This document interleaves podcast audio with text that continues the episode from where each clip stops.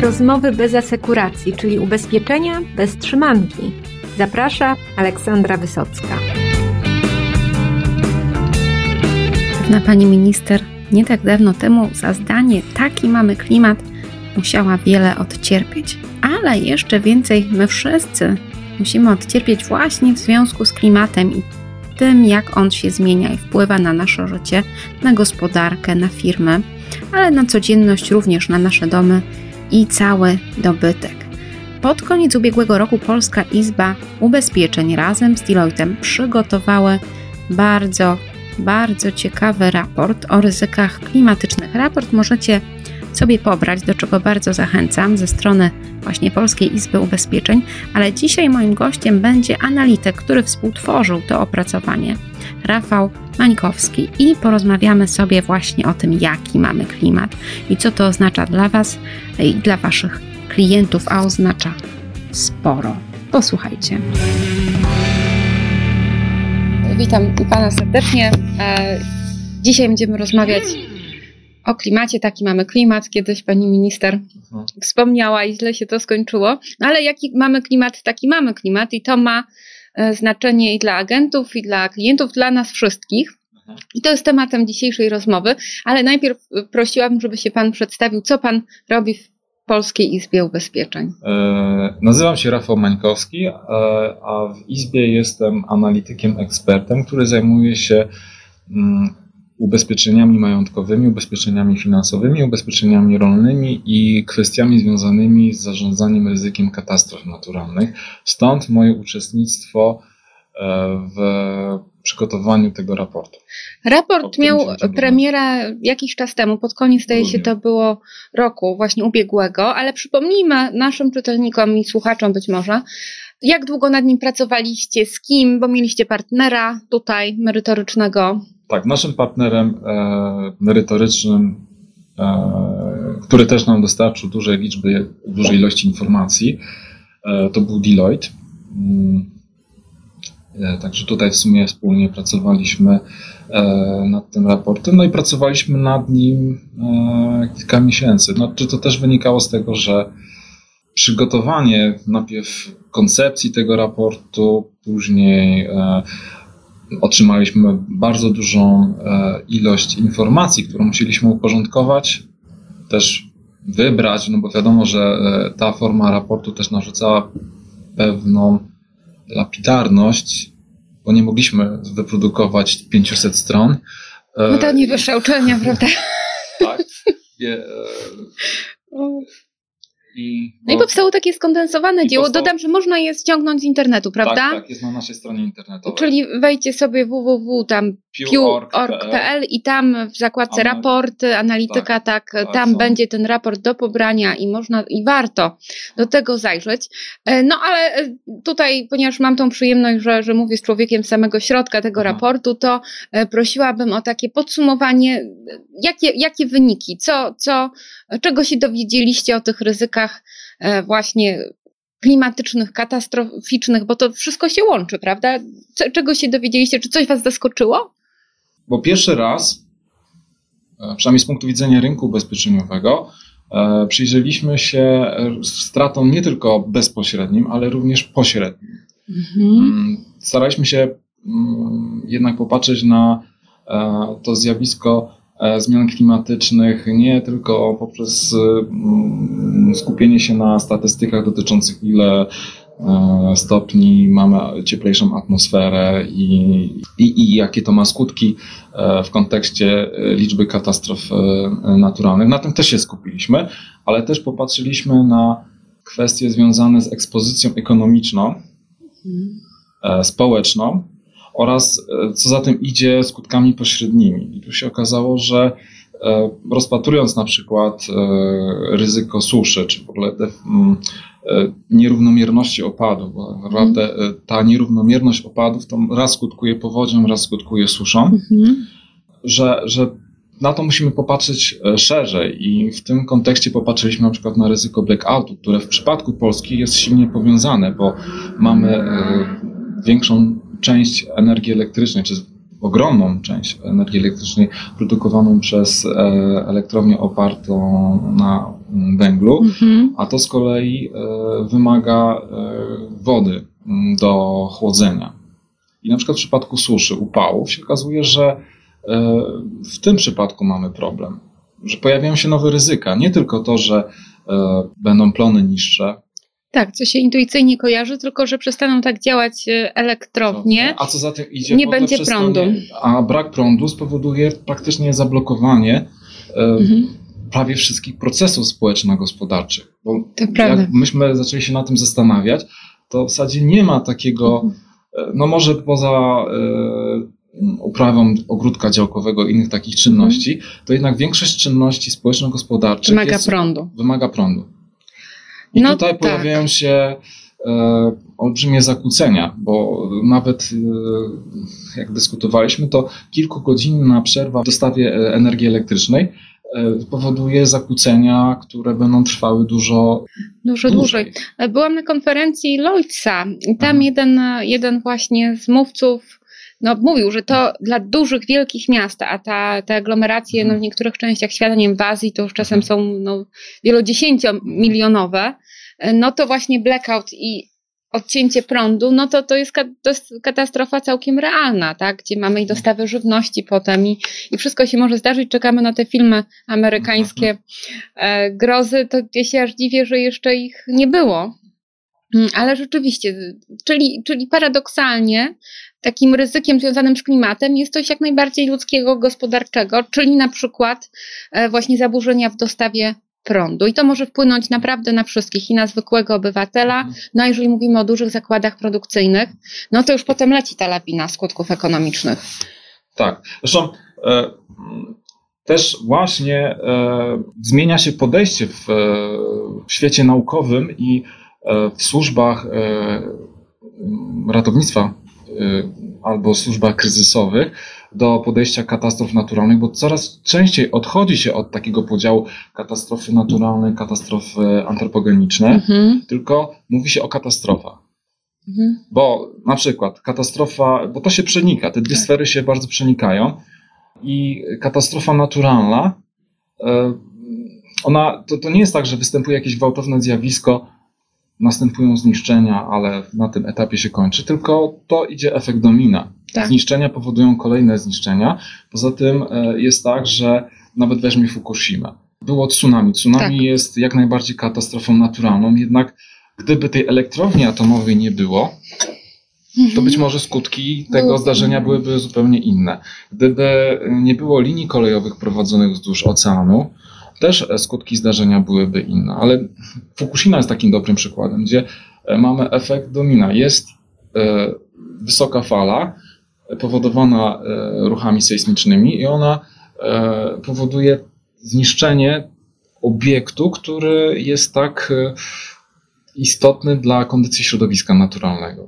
To spowodowało uszkodzenie reaktora i no i potem wszystko idzie dalej. No my możemy się cieszyć, że tsunami nie mamy w naszym regionie i to jest chyba tak, dobra ale, wiadomość. Ale, to ale... na przykład susza jest takim właśnie przykładem, gdzie e, mamy do czynienia z, e, z deficytem e, wody, a oczywiście to, to możemy rozpatrywać w kontekście e, katastrofy, aczkolwiek susza ma to do siebie, że ona występuje przez okres długotrwały i stopniowy, w związku z czym nie ma takiego E, takiego momentu gwałtownej eskalacji sił przyrody, jak na przykład wichura, mhm. czy trzęsienie ziemi, czy powódź, gdzie jest fala powodziowa, bo jest gwałtowny opad, jest fala powodziowa, która sieje zniszczenie.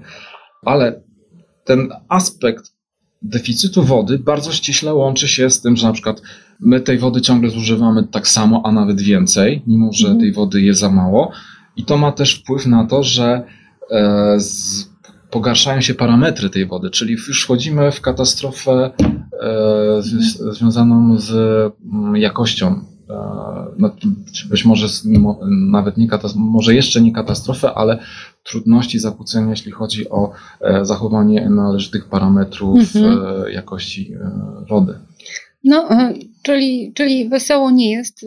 W Polsce podobno już żyje sobie i ma się nieźle szarańcza, mhm. Która jeszcze do niedawna w naszym klimacie absolutnie nie, mogła się utrzymać. Lato trwało chyba w zeszłym roku mniej więcej od kwietnia do, do, do listopada właściwie, bo tak. jeszcze w listopadzie pamiętam, że, że można było w lekkiej marynarce chodzić. E, mrozu, no to różnie, albo mamy 30 stopni, ale to z rzadka, albo w ogóle go nie mamy.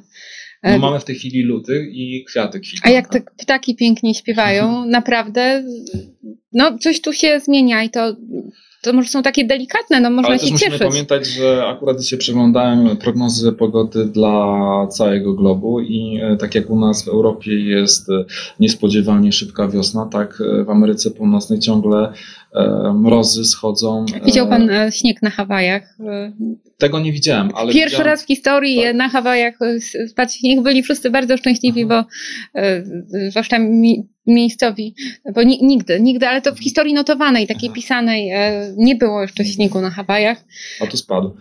Ale tegoroczne rekordowe temperatury, które były e, na środkowym zachodzie i jeszcze w tej chwili są zapowiadane, mimo że mamy przełom lutego marca, bardzo niskie temperatury w tamtych rejonach. Czyli u nas jest e, rekordowo ciepło, u nich i za wcześnie, a u nich jest zbyt zimno. I tutaj też jest właśnie taka jedna z tez e, tego klimatu, e, tego raportu, że mm, to ocieplenie e, wbrew pozorom nie będzie oznaczało mhm. takiej beztroski, bo teraz się cieszymy ciepłem, z tym, że ten klimat stanie się bardziej rozchwiany, bo mm,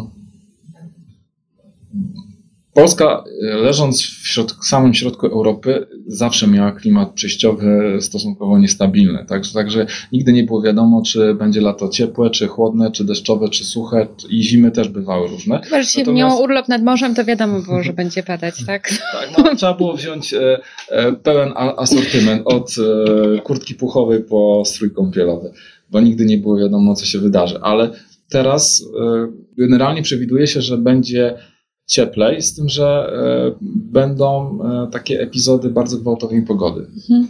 I na przykład dla rolnictwa, bo za chwilę wyjdziemy, myślę, że z rolnictwa, ale dla rolnictwa problemem jest e, to, że tak jak teraz, okres wegetacyjny rozpoczyna się wyjątkowo wcześnie, ale mamy jeszcze luty. Mhm. Powiedzmy, marzec, kwiecień możemy się spodziewać fali zimna i te fale będą e, niszczące. Tak samo jak to, to, już mieliśmy przykład taki dwa lata temu, kiedy też wiosna rozpoczęła się e, wyjątkowo wcześnie i luty i marzec były, w szczególności marzec był wtedy ciepły, jeszcze początek kwietnia, a później w okolicach świąt wielkanocnych. E, Kongresu przyszły... Polskiej Izby Ubezpieczeń, jak śnieg, pamiętam, spadł w Sopocie w maju. To było tak. dwa lata temu. No. Tak, to właśnie akurat był tamten okres. Natomiast gorszy był mróz niż śnieg, mm -hmm. dlatego że mm, nastąpiła bardzo gwałtowna mhm. zmiana pogody. W momencie, kiedy już e, e, duża część drzew owocowych była e, albo w pełnym rozkwicie, albo miały pąki kwiatowe.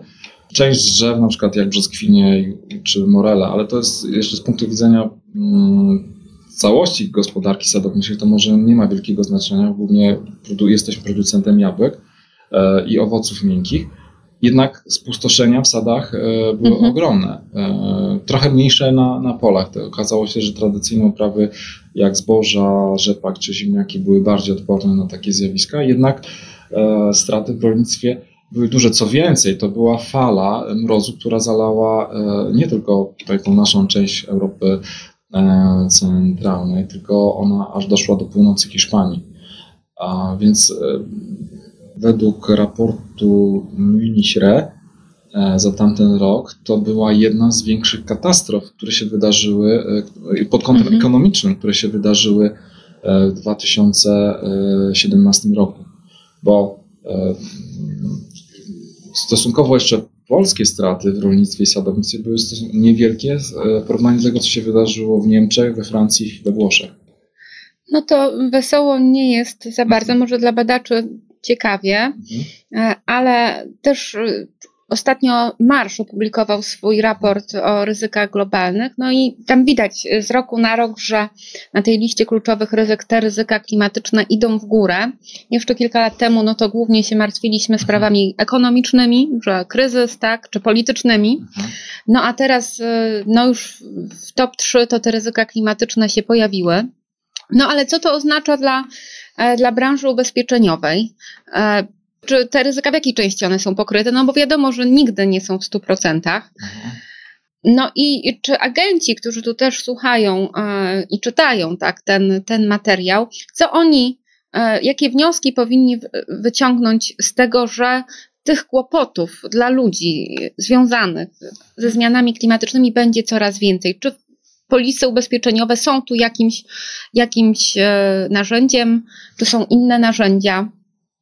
Jest tak, że tak jak powiedziałem wcześniej, katastrofy naturalne czy gwałtowne zdarzenia związane z czynnikami atmosferycznymi występowały do tej pory.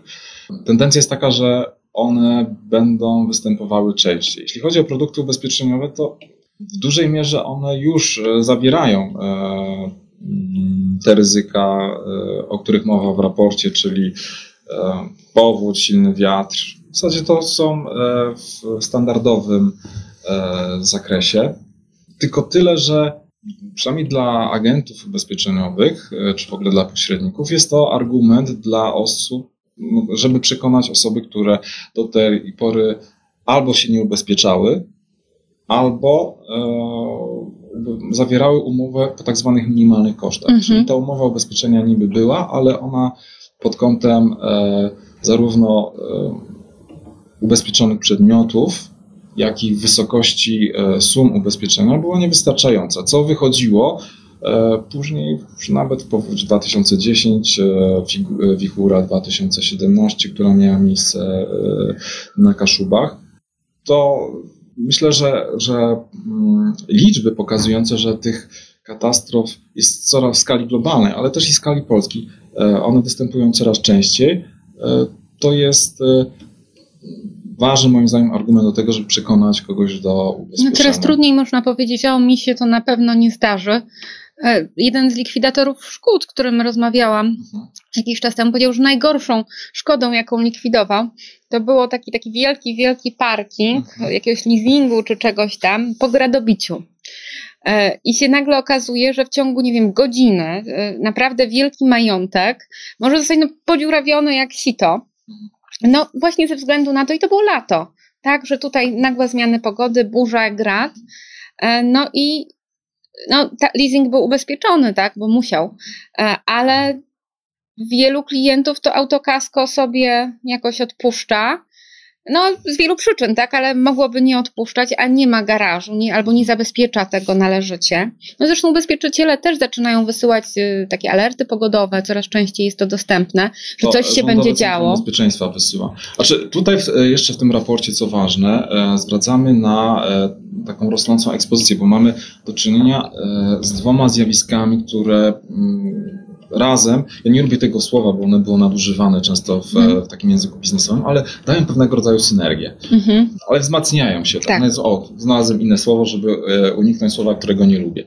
E, wzmacniają swoje, mm -hmm. swoje działanie. To jest z jednej strony e, no, zmiana klimatu powoduje e, wzrost częstotliwości e, i siły też występowania poszczególnych zjawisk. E, z drugiej strony mamy do czynienia z stałym wzrostem ekonomicznym w naszym przypadku, co jest dobre. Ale to powoduje, że budujemy, zbudowaliśmy i budujemy coraz więcej. Czyli na przykład nawet porównanie do powodzi w 97, a teraz 2019, mhm. po ponad 20 latach jesteśmy w zupełnie innym miejscu. Wrocław jest zupełnie innym miastem niż tak. ponad 20 tak. lat temu. Tak samo Warszawa jest zupełnie innym miastem niż 9 e, lat temu. Przecież mhm. mnóstwo się e, zmieniło. Tak. A kolejna sprawa, e, nie chodzi o to, że więcej budujemy, czy więcej zbudowaliśmy, ale też jak budujemy, albo jakie wyposażenie mamy, bo przecież też, e, mimo że jesteśmy krajem raczej północy niż południa, to też mamy na przykład coraz więcej paneli słonecznych i to też powoduje, że ryzyko gradu, oprócz tego, że mamy coraz lepsze i droższe samochody, to też Czego życzymy kolejny... naszym słuchaczom oczywiście i klientom. Tak. E, to też jest tak, że e, na przykład nawet te mini solary montowane na dachach, e, one są bardzo mhm. wrażliwe na działanie gradu. Czyli kiedyś zjawiska, które nie powodowały specjalnych zniszczeń, teraz są znacznie droższe z punktu widzenia kosztów społeczno-gospodarczych. Tak, bo mamy więcej, tak? Dysponujemy większym majątkiem.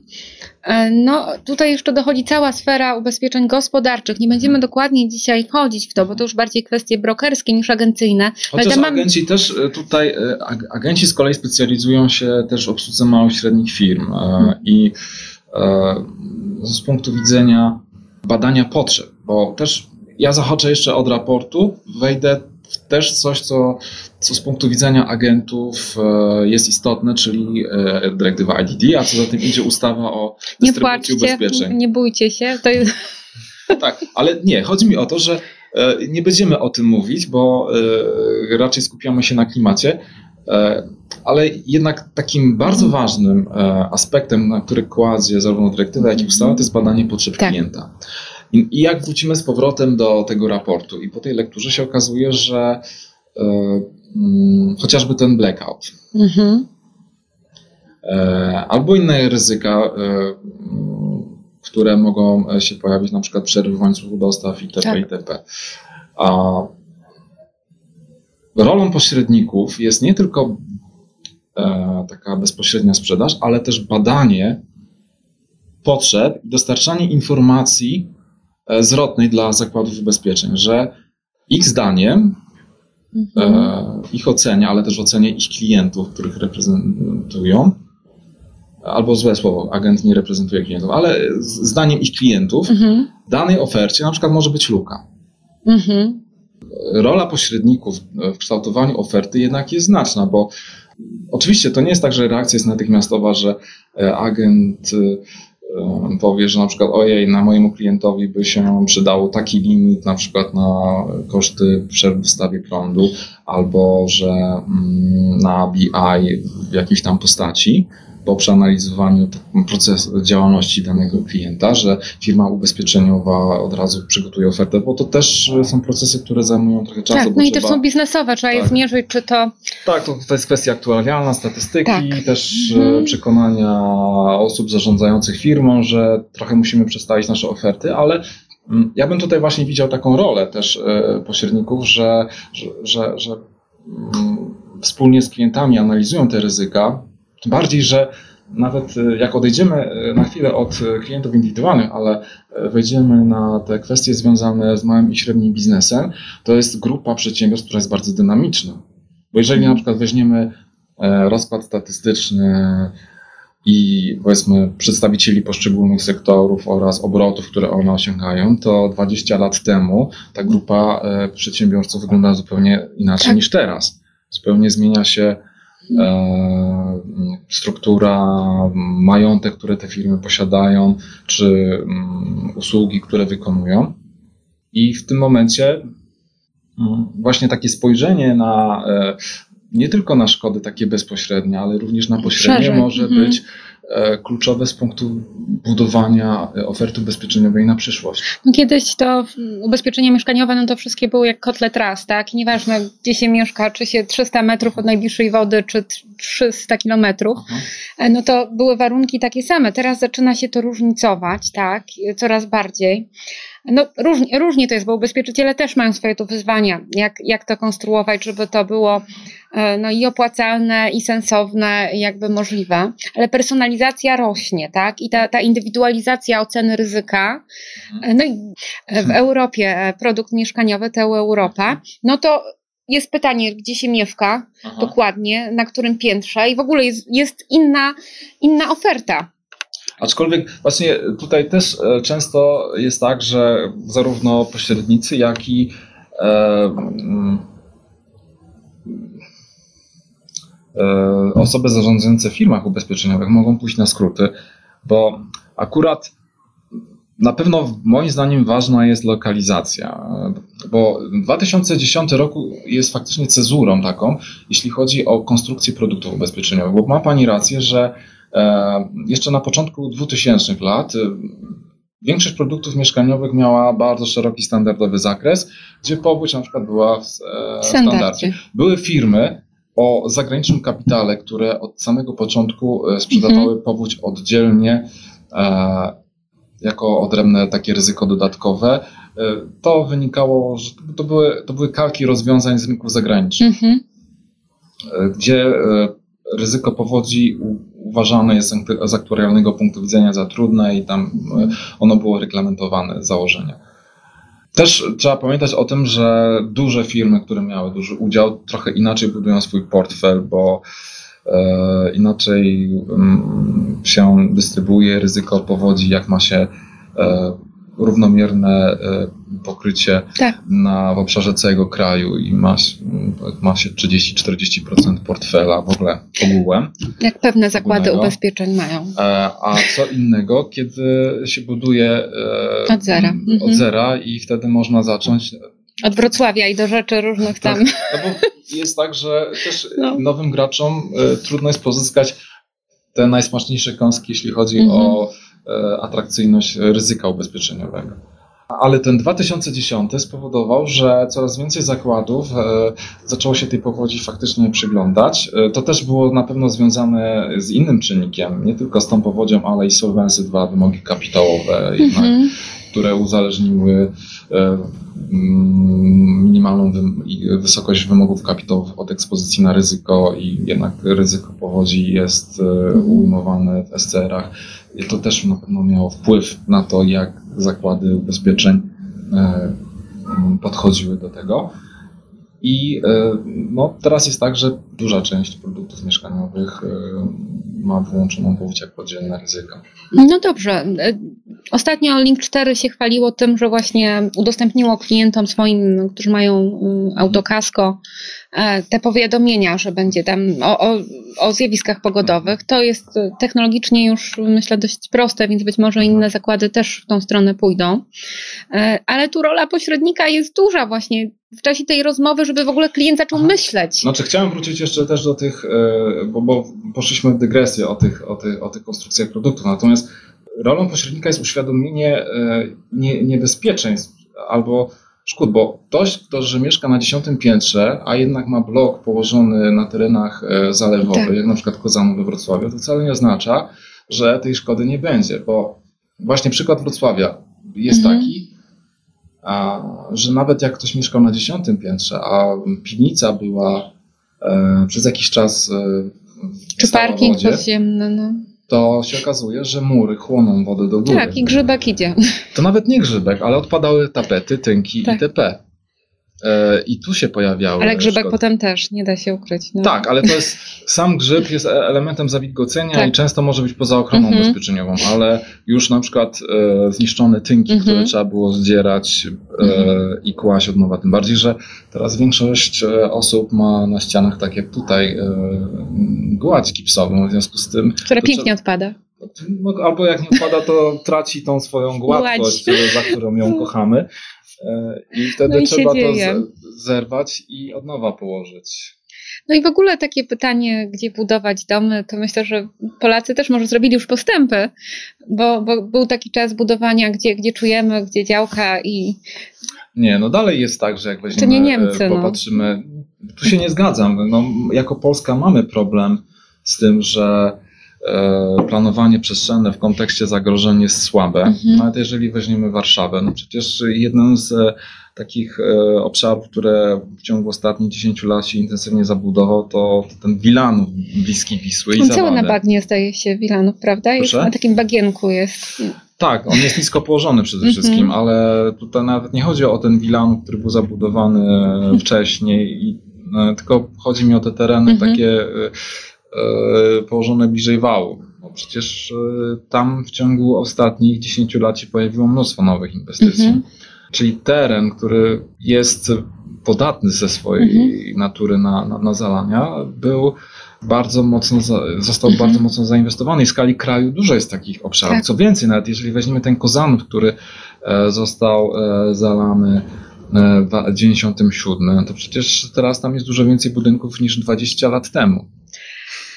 No cóż, ile po, powodzi tysiąclecia może być w ciągu dziesięciolecia? Okazuje się, że dużo. No a tutaj się taki, takie zmylne myślenie, no, że jak już się przydarzyło, no to następnym razem tak szybko nie nastąpi, a to jest błąd, bo, bo może nastąpić i następuje. No i tutaj też trzeba pamiętać o tym, że e, popatrzmy jeszcze, że, bo my patrzymy na rok 97 i 2010, ale jeszcze w międzyczasie też wydarzały się powodzie e, w Niemczech, czyli i Czechach u naszych sąsiadów i to tak naprawdę mm, chodzi o to, że wtedy mieliśmy szczęście, bo ta wielka chmura z deszczem, z olbrzymią ilością mhm. wody, przesunęła się powiedzmy 300-400 mhm. kilometrów na zachód z punktu widzenia takiej meteorologii, to, to, to jest niewiele. Mhm. E, gdyby ona powiedzmy przeszła bliżej e, mora w, e, i, później weszła na Śląsk, no to my byśmy mieli powtórkę z rozrywki. Mhm.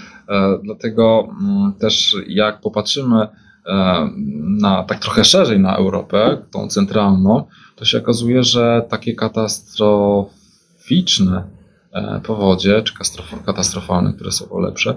No miały, mogą, były i będą prawdopodobnie. One występowały tak z regularnością co kilka lat. No i cóż, e, więc optymizm jest cenny w życiu i, i, życzymy go, ale, ale jednak nie można od pewnych faktów, znaczy można, ale nie opłaca się od pewnych faktów e, uciekać. Znaczy na pewno jest tak, że rolą agenta nie jest to, żeby doradzał, e, w którym miejscu budynku, budynek kupić, na przykład jednorodzinny, albo w którym miejscu firma powinna e, prowadzić działalność, bo od tego są inne zawody.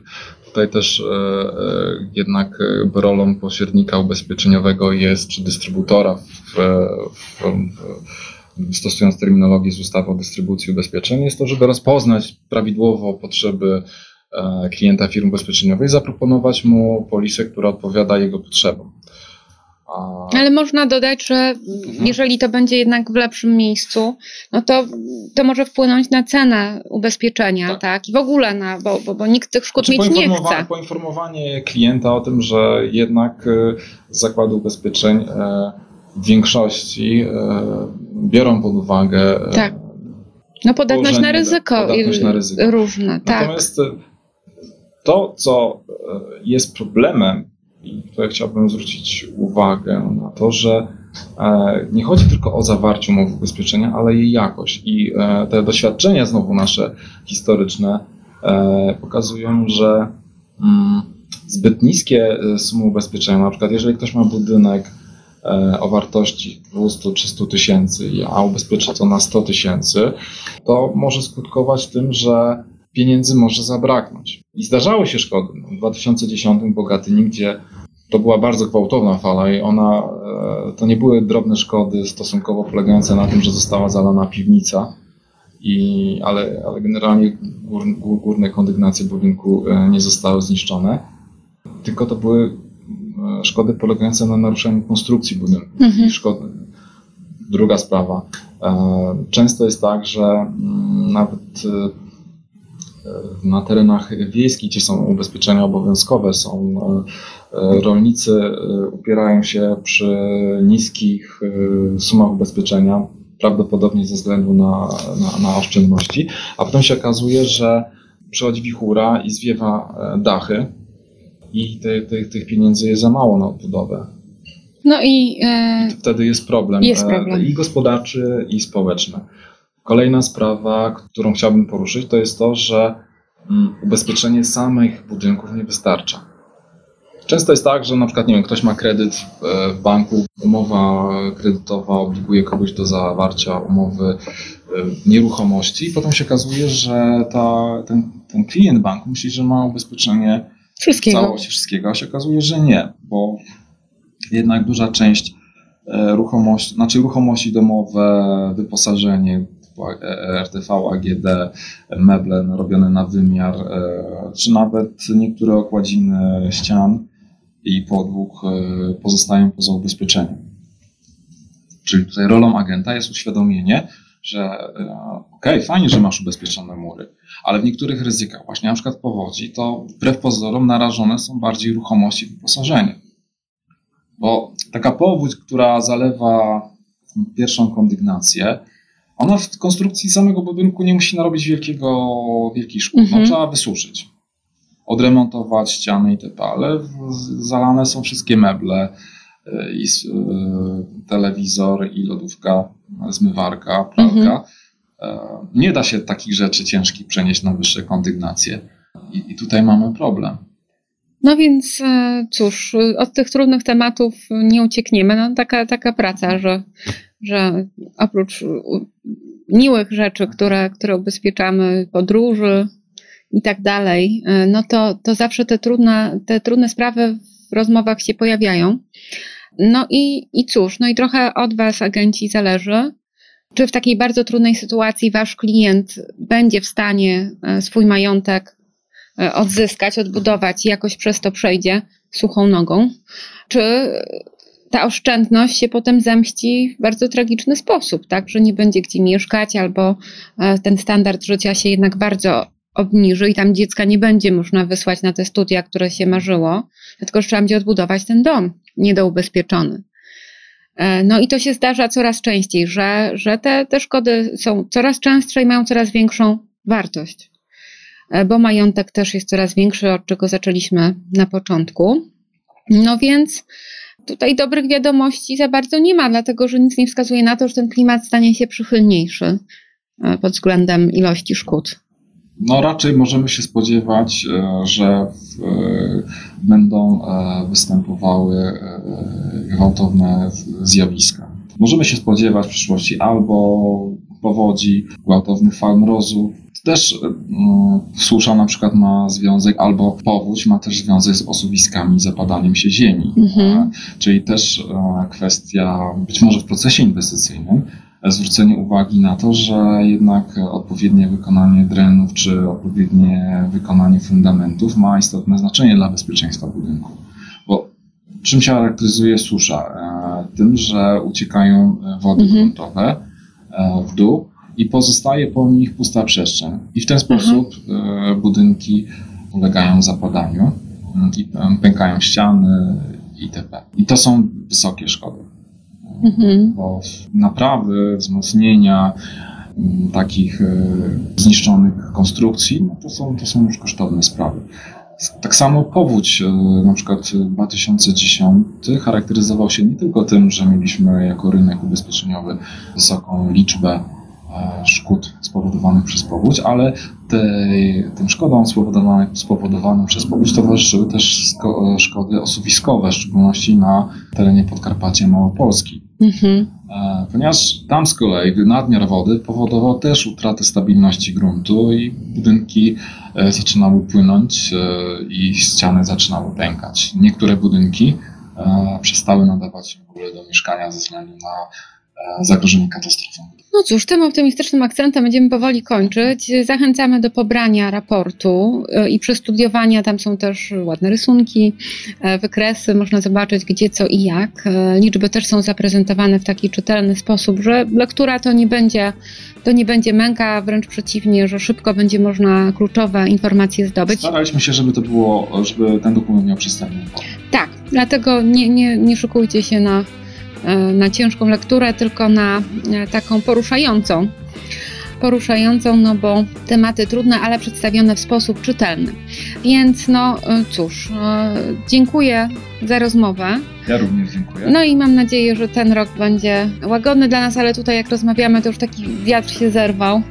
A my na 20 piętrze w Polskiej Izbie Ubezpieczeń. No, a to dopiero początek sezonu. Zobaczymy, co nas jeszcze czeka. Czy ja mam nadzieję, że jednak nie będzie tak strasznie. No, oby dachu nie urwało, w każdym razie jeszcze nie dzisiaj. E, dziękuję bardzo.